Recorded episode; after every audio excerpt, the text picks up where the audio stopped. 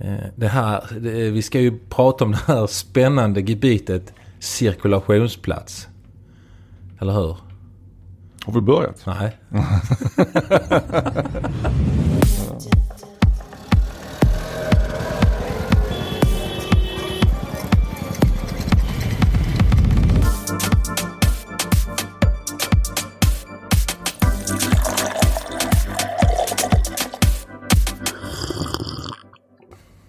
Hej och välkomna till eh, dagens avsnitt av Trafika och eh, den trudelutten där det var ju faktiskt en eh, Hans Nilsson som har gjort den här fina eh, introt till vår podd. Idag har vi ju som vanligt med oss Gregor och idag ska vi tala om eh, cirkulationsplatser rätt upp och ner. Vad är det som gäller för cirkulationsplatser och vad kan man stöta på för bekymmer eller vad är det man ska tänka på? Välkommen Gregor Nilsson. Tack Magnus. Ja. Eh, du, cirkulationsplatser. Det är ju... Nu skulle man ha en sån här trumvirvel eller sån här mysig musik. För det här är ju viktiga grejer, eller hur? Absolut, absolut. Ja, men hur stöter du på eh, cirkulationsplatser i ditt jobb där som förundersökningsledare? Är det mycket klödd i cirkulationsplatser? Ja, det har vi. Särskilt i de här ska man säga, större cirkulationsplatserna där vi har två dubbla filer. Där har man väldigt svårt att komma överens när man ska ut ur cirkulationsplatsen. Och sen är, det ju självklart att eh, det missas eh, en del ju med infarten till cirkulationsplatsen. Att man, man missar att det finns en bil redan där inne som är på väg att köra runt. Ah, okay. Jag tror det vanligaste felet är att man, man tittar för långt till vänster. Eh, och så ser man ingenting där och så har man missat precis det här lilla fältet precis eh, framför sig i princip. Ja. Du, jag har märkt några gånger när jag kör in i cirkulationsplatser att ibland försvinner bilar i eh, balken där precis i, eh, vid vindrutan. Att det är precis som att en sån stor bil kan bara försvinna i en balk och sen precis i det ögonblicket man ska köra ut så bara oh, oh där kommer en. Det är ju rätt mycket i en bil som saker och ting kan försvinna i idag. Du har dina dörrstolpar, Ja. sidobackspeglar, din eh, bak, backspegel helt enkelt som då är, börjar bli större och större och där är massa instrument bakom som ska eh, mäta vägen och liknande. Eh, du har skärmar som sticker upp ur alltså, framför vindrutan idag också för att du ska kunna ställa in massa grejer. Och du har andra dörrstolpar på andra sidan. Det är hur mycket som helst. Ja. Det är nästan som om det vore ett rymdskepp ju. Ja, alltså men det, det försvårar sikten med alla, Ja. all den här extra utrustning man har Ja, lastat okej. in. Så att, eh, och sen bör man då designa så man har rätt så smala framrutor också i höjd. Va? Så det, begränsar också sikten. Mm. Så det, Så det, Ja. det, det ställer Det- sina krav på precis, oss. ja. eh, man får nog oss- titta mer än en gång. Ja, exakt. Ja, men det är bra. Det, tar vi med oss. Eh, jag har en fråga här. Vi brukar utgå från frågor. Eh, det är en fråga så här. Min något dryga svåger hävdar att man inte måste blinka vänster i en cirkulationsplats när man då ska köra till vänster då. När jag tog körkort så var det ett måste. Hoppas att jag kan räcka lång näsa till min svåger eller blir det jag som får hålla i mössan i näven och säga du hade rätt. Vad är det som gäller där? Ja, när det gäller att blinka i en cirkulationsplats idag så är det ju inget krav att blinka när du kör in i cirkulationsplatsen. För där är, där är bara en väg att välja på. Eh, utan den är du tvingad till så du behöver inte ge tecken för att ta den vägen. Det är när du gör en förflyttning i sidled. När du svänger ut ur cirkulationsplatsen då ska du blinka höger. Så att det blir aldrig, behöver aldrig blinka vänster. Men jag brukar ändå rekommendera att åtminstone i, i de här små, mindre cirkulationsplatserna som dyker upp allt mer. Att man trots allt visar när man är på väg in eftersom det är fri sikt över cirkulationsplatsen. Att man visar för trafikanter på andra sidan vägen. Men jag ska till vänster. Så vet de det i god tid. Mm. Jag tycker inte det är fel. Nej. Men det är inget Alltså- krav. Nej, men tydlighet det gör inget att man är supertydlig då. alltså. Nej, det gör det inte. Nej, ja, men gott att höra. Eh, ja, eh, och eh, vad ska vi säga? Just det, eh, cirkulationsplats kontra rondell. Det fick jag lära mig. Jag har ju googlat lite här nu inför de här eh, trafik och då vet jag ju att cirkulationsplats är ju själva vägens infrastruktur. Rondellen är ju själva gräsplattan i mitten. Eller vad det nu är. När jag tog körkort fick jag lära mig, om jag minns rätt, att eh, rondellen är den delen av cirkulationsplatsen du inte kan köra på. Aha. Eh, Alltså den i mitten du inte kan köra på men det stämmer inte idag längre. Utan idag gör man ju så väldigt små cirkulationsplatser så du kan köra rätt över dem ju. Ja. ja, men det händer också. Är, är det tillåtet? Ja, det... Är fordonet så stort så du inte kan hålla det innanför de markerade vita linjerna så är det ju tillåtet. Ja. Men eh, kan du följa linjen så ska du göra det. Ja, självklart. Det är en spärrlinje, så- finns ju, finns ju en anledning till Ja. att det finns spärrlinjer där. Ja. Så att, ja. Bra. Blinkers, vad gäller här? Ja, det är också någon sån här frågor jag också får en del av. Eh, När ska jag blinka och när ska jag inte blinka? Finns det något entydigt eh, svar där du kan ge, Gregor? Alltså enklast är att ha som regel att så fort du gör en sidoförflyttning eh, så ska du ge tecken och visa detta. Så att det tydliggörs för alla andra i trafiken. Ja, okej. Ja, men... Ja, det Ja, var- var alltså, det och så. det, just när man pratar cirkulationsplatser så är det ju, har du då en tvåfilig cirkulationsplats. Så fort du ska skifta fil i cirkulationsplatsen, ge tecken. Och eh, det, det är ju nog vår vanligaste olycksform. Så är de här dubbelrik- dubbla cirkulationsplatserna. Två körfält, ett vänster och höger. Och eh, den som befinner sig där i, i närmast rondellen som då är cirkulationsplatsens mitt. Ska då ut till vänster. Eller till höger. Och eh, så har han en bil till höger om sig. Men den har då för avsikt att fortsätta. Och där sker kollisionerna. Okej. Men dessvärre oftast på grund av att den till höger inte har följt eh, vägskyltarnas och vägmarkeringarna. Alltså den hänvisning som finns innan man kommer fram till cirkulationsplatsen. Där man ofta har eh, de här blåvita skyltarna som säger att eh, ligger du i vänster körfält så ska du köra till vänster eller rakt fram. Ligger du i höger fält, körfält så är det höger eller rakt fram. Går de då in samtidigt till cirkulationsplatsen och ligger bredvid varandra. Då vet ju han till vänster att ja, hans, eh, den andra svängde inte till höger. Okej, då ska han ju rakt fram såklart. För det var ju det vägvalet man hade enligt skyltarna. Då svänger han ut för han kan ju inte säga att du inte blinkar höger.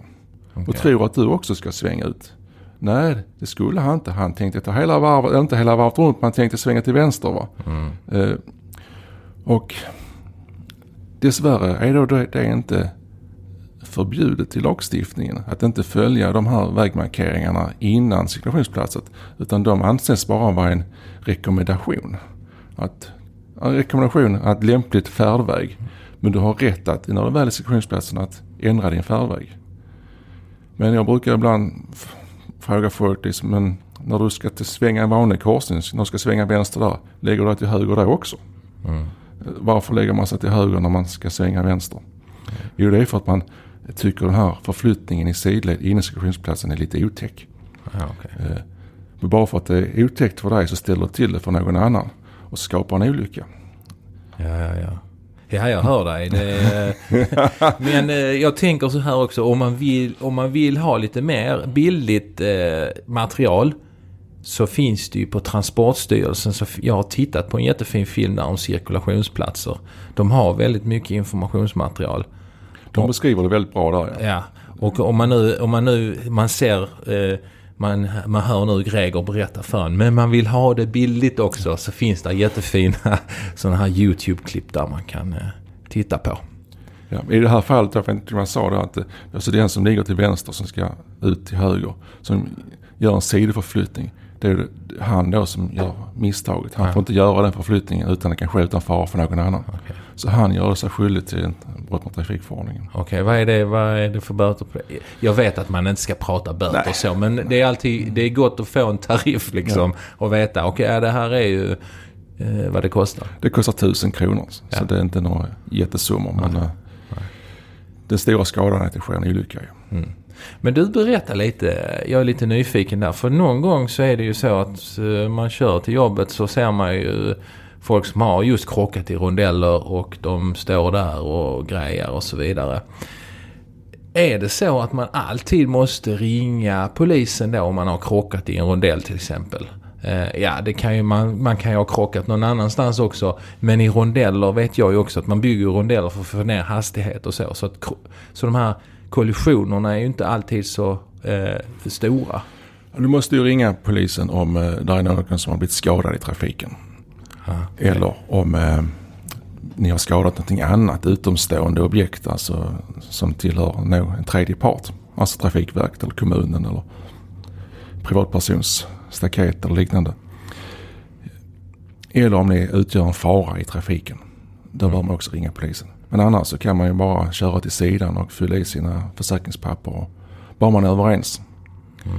Och det är också en viktig sak när man är överens. Ni, det är inte alltid man är, är överens utan alla parter tror att de har gjort rätt. Och eh, ni behöver inte lösa det på plats, ni behöver inte bli ovänner om detta utan ni får nedteckna er varsin egen historia om vad som har hänt och sen så får ju försäkringsbolaget eller polisen lösa det sen och förklara vem som har gjort fel. Mm, Okej. Okay. Ja men det låter ju rimligt. Eh, för jag tänker också då att eh, Ja, men vissa är ju lite oroliga för att jag vill inte röra bilen. Och det är ju, tänker jag, hade jag ju också tänkt. Nu är, har jag ju varit med länge och, och förstår att det kan man visst göra. Men finns det några tips då? Om man, eh, om man nu, låt oss säga att man krockar mitt i rondellen. Det är uppe på Norra ringen i Lund som är rätt hårt trafikerad på morgonen. Eh, man ska i och för sig aldrig skynda någonting. Är det så att det blir stopp så blir det stopp. Och då får man, då om någon är skadad. Men om det är så här att man kan faktiskt flytta dem. Ja, om inte man har flyttat och man står kvar så stilla så gå ut och ta några översiktsbilder med din mobilkamera och, och flytta dem sen. Så har du i alla fall säkrat hur de stod innan eller åtminstone strax efter krocken. Mm. Så kan man ha någonting att utgå från. Och så kan man göra en bedömning från skadorna också hur, hur det har gått till. Mm. Men visst, det finns ju en risk att, eh, att versionerna förändras ju. Det är därför många inte vågar flytta. Ja, okej. Okay. Men eh, ta några bilder och sen kan ni köra till sidan. Du berättade för mig också igår att det som är viktigt, det som många ibland glömmer, det är att man tar en bild på registreringsskylten och sen så tror man att det är okej. Okay. Det kan ju faktiskt vara en annan förare än den som ja. eh, bilen tillhör. Man måste ju identifiera föraren såklart. Ja, ja men, det, men det är ju... Det känns ju alltid bra i sammanhang att man får en identitetshandling som man kan Eh, så man kan byta uppgifter och så. Det, är, det är lätt att vi glider in på ett annat ämne som vi kan prata om. Smitning kanske? Ja, men det kan vi väl ta ja, ett annat avsnitt. Absolut. Ja. Eh, det får bli en sån, eh, en liten sån önskan från dig där Gregor. Det tar vi nästa gång. Ja, det är ett hett ämne. Det är ett hett ämne, ja. ja.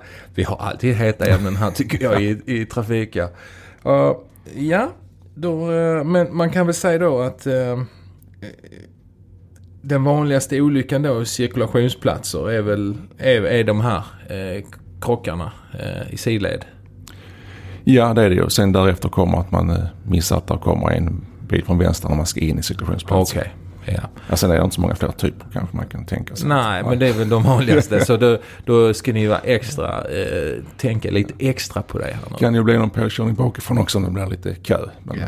ja, det här med med långa fordon, bussar och annat så här eh, stora beläten som dyker upp där i rondeller och kanske är rätt så trångt och så. Vad ska vi tänka på där?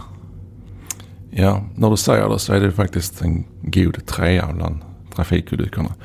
Och det är det här att många bilister inte inser eller tänker på att eh, en lång buss eller ett eh, långt trailer eller lastbilsekipage de klarar inte av att hålla sig inom en fil i en cirkulationsplats. De behöver större utrymme. Och eh, så är det bara och det måste man ta hänsyn till. Man kan inte lägga sig bredvid dem och tro att de ska kunna stanna kvar med sitt ekipage i, i vänsterfilen. Utan eh, man måste lämna plats åt dem i, i båda filerna så de kan ta sig igenom. Eh, så är det uppbyggt och eh, det är man väl medveten om inom Transportstyrelsen så det är inga konstigheter. Det är bara att folk inte inser det. Ja, det är ju det är onekligen så att eh, lite, lite lugn och ro kanske i trafiken. Eh, det gäller väl att ha, vara lite avstressad. Kanske lätt att säga i sammanhang så när man är på väg till jobb, man har lite bråttom och, och så. Men eh, finns det några generella tips från dig Greger? Du som eh, har alla de här eh, trafikolyckorna på ditt bord om vi ska hålla oss till cirkulationsplatser där så, eh, så är det här med långa fordon. Tänk på att de behöver mer än ett körfält för att ta sig fram. att man eh, lämnar plats kanske vid båda körfälten. De får inte plats i ett körfält och även om det är linjer som visar att, eh, att lastbilen ska köra ett och du ska köra ett annat så är det inte så i verkligheten. Utan när de svänger runt så tar de mer än ett fält i cirkulationsplatsen. Det måste man ta hänsyn till. Så är det bara. Och eh, när man ska svänga ut eh, ut ur cirkulationsplatsen så är det bra om man anpassar sin körning så man kanske redan innan man ska svänga ut till höger har gått över i höger körfält. Eh, så, så eh, tar man bort den här risken att man ska få en bil i sin högersida från höger, det högra körfältet. Eh, det brukar bilskolorna kalla att man ska stänga dörren när man kör ut ur cirkulationsplatsen så man inte ska ha dörren öppen. Men jag vet inte, man, stänger till helt enkelt för möjligheten för att någon ska kunna köra in i din sida. Mm, okay. Och sen ha lite fantasi i trafiken tänk dig framåt, vad kan hända här? Okej, okay, den här långa lastbilen, han behöver nog lite plats här. Ge utrymme. Eller när du kommer närmare en, en, där en infart till cirkulationsplatsen. Hmm, där står en bil där. Han kan nog få första köra ut här. Okej, släpp på gasen lite grann och var lite ödmjuk och släpp fram. Och man behöver inte tvunget visa sitt missnöje med att okej, okay, du gjorde ett dåligt beslut där. Du behöver inte tuta för att påtala det. Han har alltså nog förstått det ändå. Ta det lugnt bara. Vi kommer fram om vi inte krockar. Nej, och det tycker jag vi ger till våra lyssnare faktiskt. Vi ger dem en liten eh, hemläxa där att eh, nästa gång ni är i trafiken Försök göra en sån här, när ni känner att ni blir irriterade, backa, tänk på Trafikapodden när Gregor hade cirkulationsplatsavsnittet. Där, då, tar vi det lugnt och andas. Eller hur? Det låter jättebra. ja, vi måste, ju, vi måste ju försöka utbilda våra lyssnare också lite liksom. Och ge dem lite läxor och lite annat sånt skoj. Ja, men det här var väl eh, fint. Du, du berättade en sak. Vi ska ta det slutligen här. Ehm, så eh, berättade du igår eh, när du tog körkort. Det var en jätterolig story. Berätta den. Ja, jag först och främst kan jag inleda med att jag sa till dig att för 30 år sedan när jag tog körkort. Men jag insåg faktiskt idag att hmm, det är 40 år om två månader. Så vi var en fel missräkning där. Men eh, nej, då eh, bodde jag i Sjöbo i min ungdom och eh, där fanns inte en enda cirkulationsplats. Utan det är något som har tillkommit nu i moderna tider att med cirkulationsplatser för att det ger en säkrare trafik och bättre flyt i trafiken så bygger man ju cirkulationsplatser även i små korsningar. Men på den tiden då i Sjöbo så fick man köra ner till Ystad för att träna körning cirkulationsplats. Och där fanns det en cirkulationsplats. Det var den enda. Så den visste man ju alla liksom att eh, när man väl körde upp i Ystad så hamnade man ju alltid i den cirkulationsplatsen. Förr eller senare. Det var liksom gjuten. Men så det var man och tränade på mycket. det var en eh, välbesökt eh, cirkulationsplats med andra ord. Alltid många bilskolebilar där. ja. ja, det är ju roligt. 40 år sedan, det, det talar ju lite om eh, din ålder lite. Eh, gör det? Ja, det gör nog jag. Man kan räkna där. ja, du var väl runt 30 när du tog? Eh, Okej, okay, skämt åsido. Du, eh, som vanligt så är det Trafika och eh, det är jag och Magnus och det är Gregor som har underhållit er här med cirkulationsplatser. Och vi önskar en fortsatt trevlig dag i trafiken och eh, ha det så gott Gregor. Ta det lugnt där ute. Hej. Hej.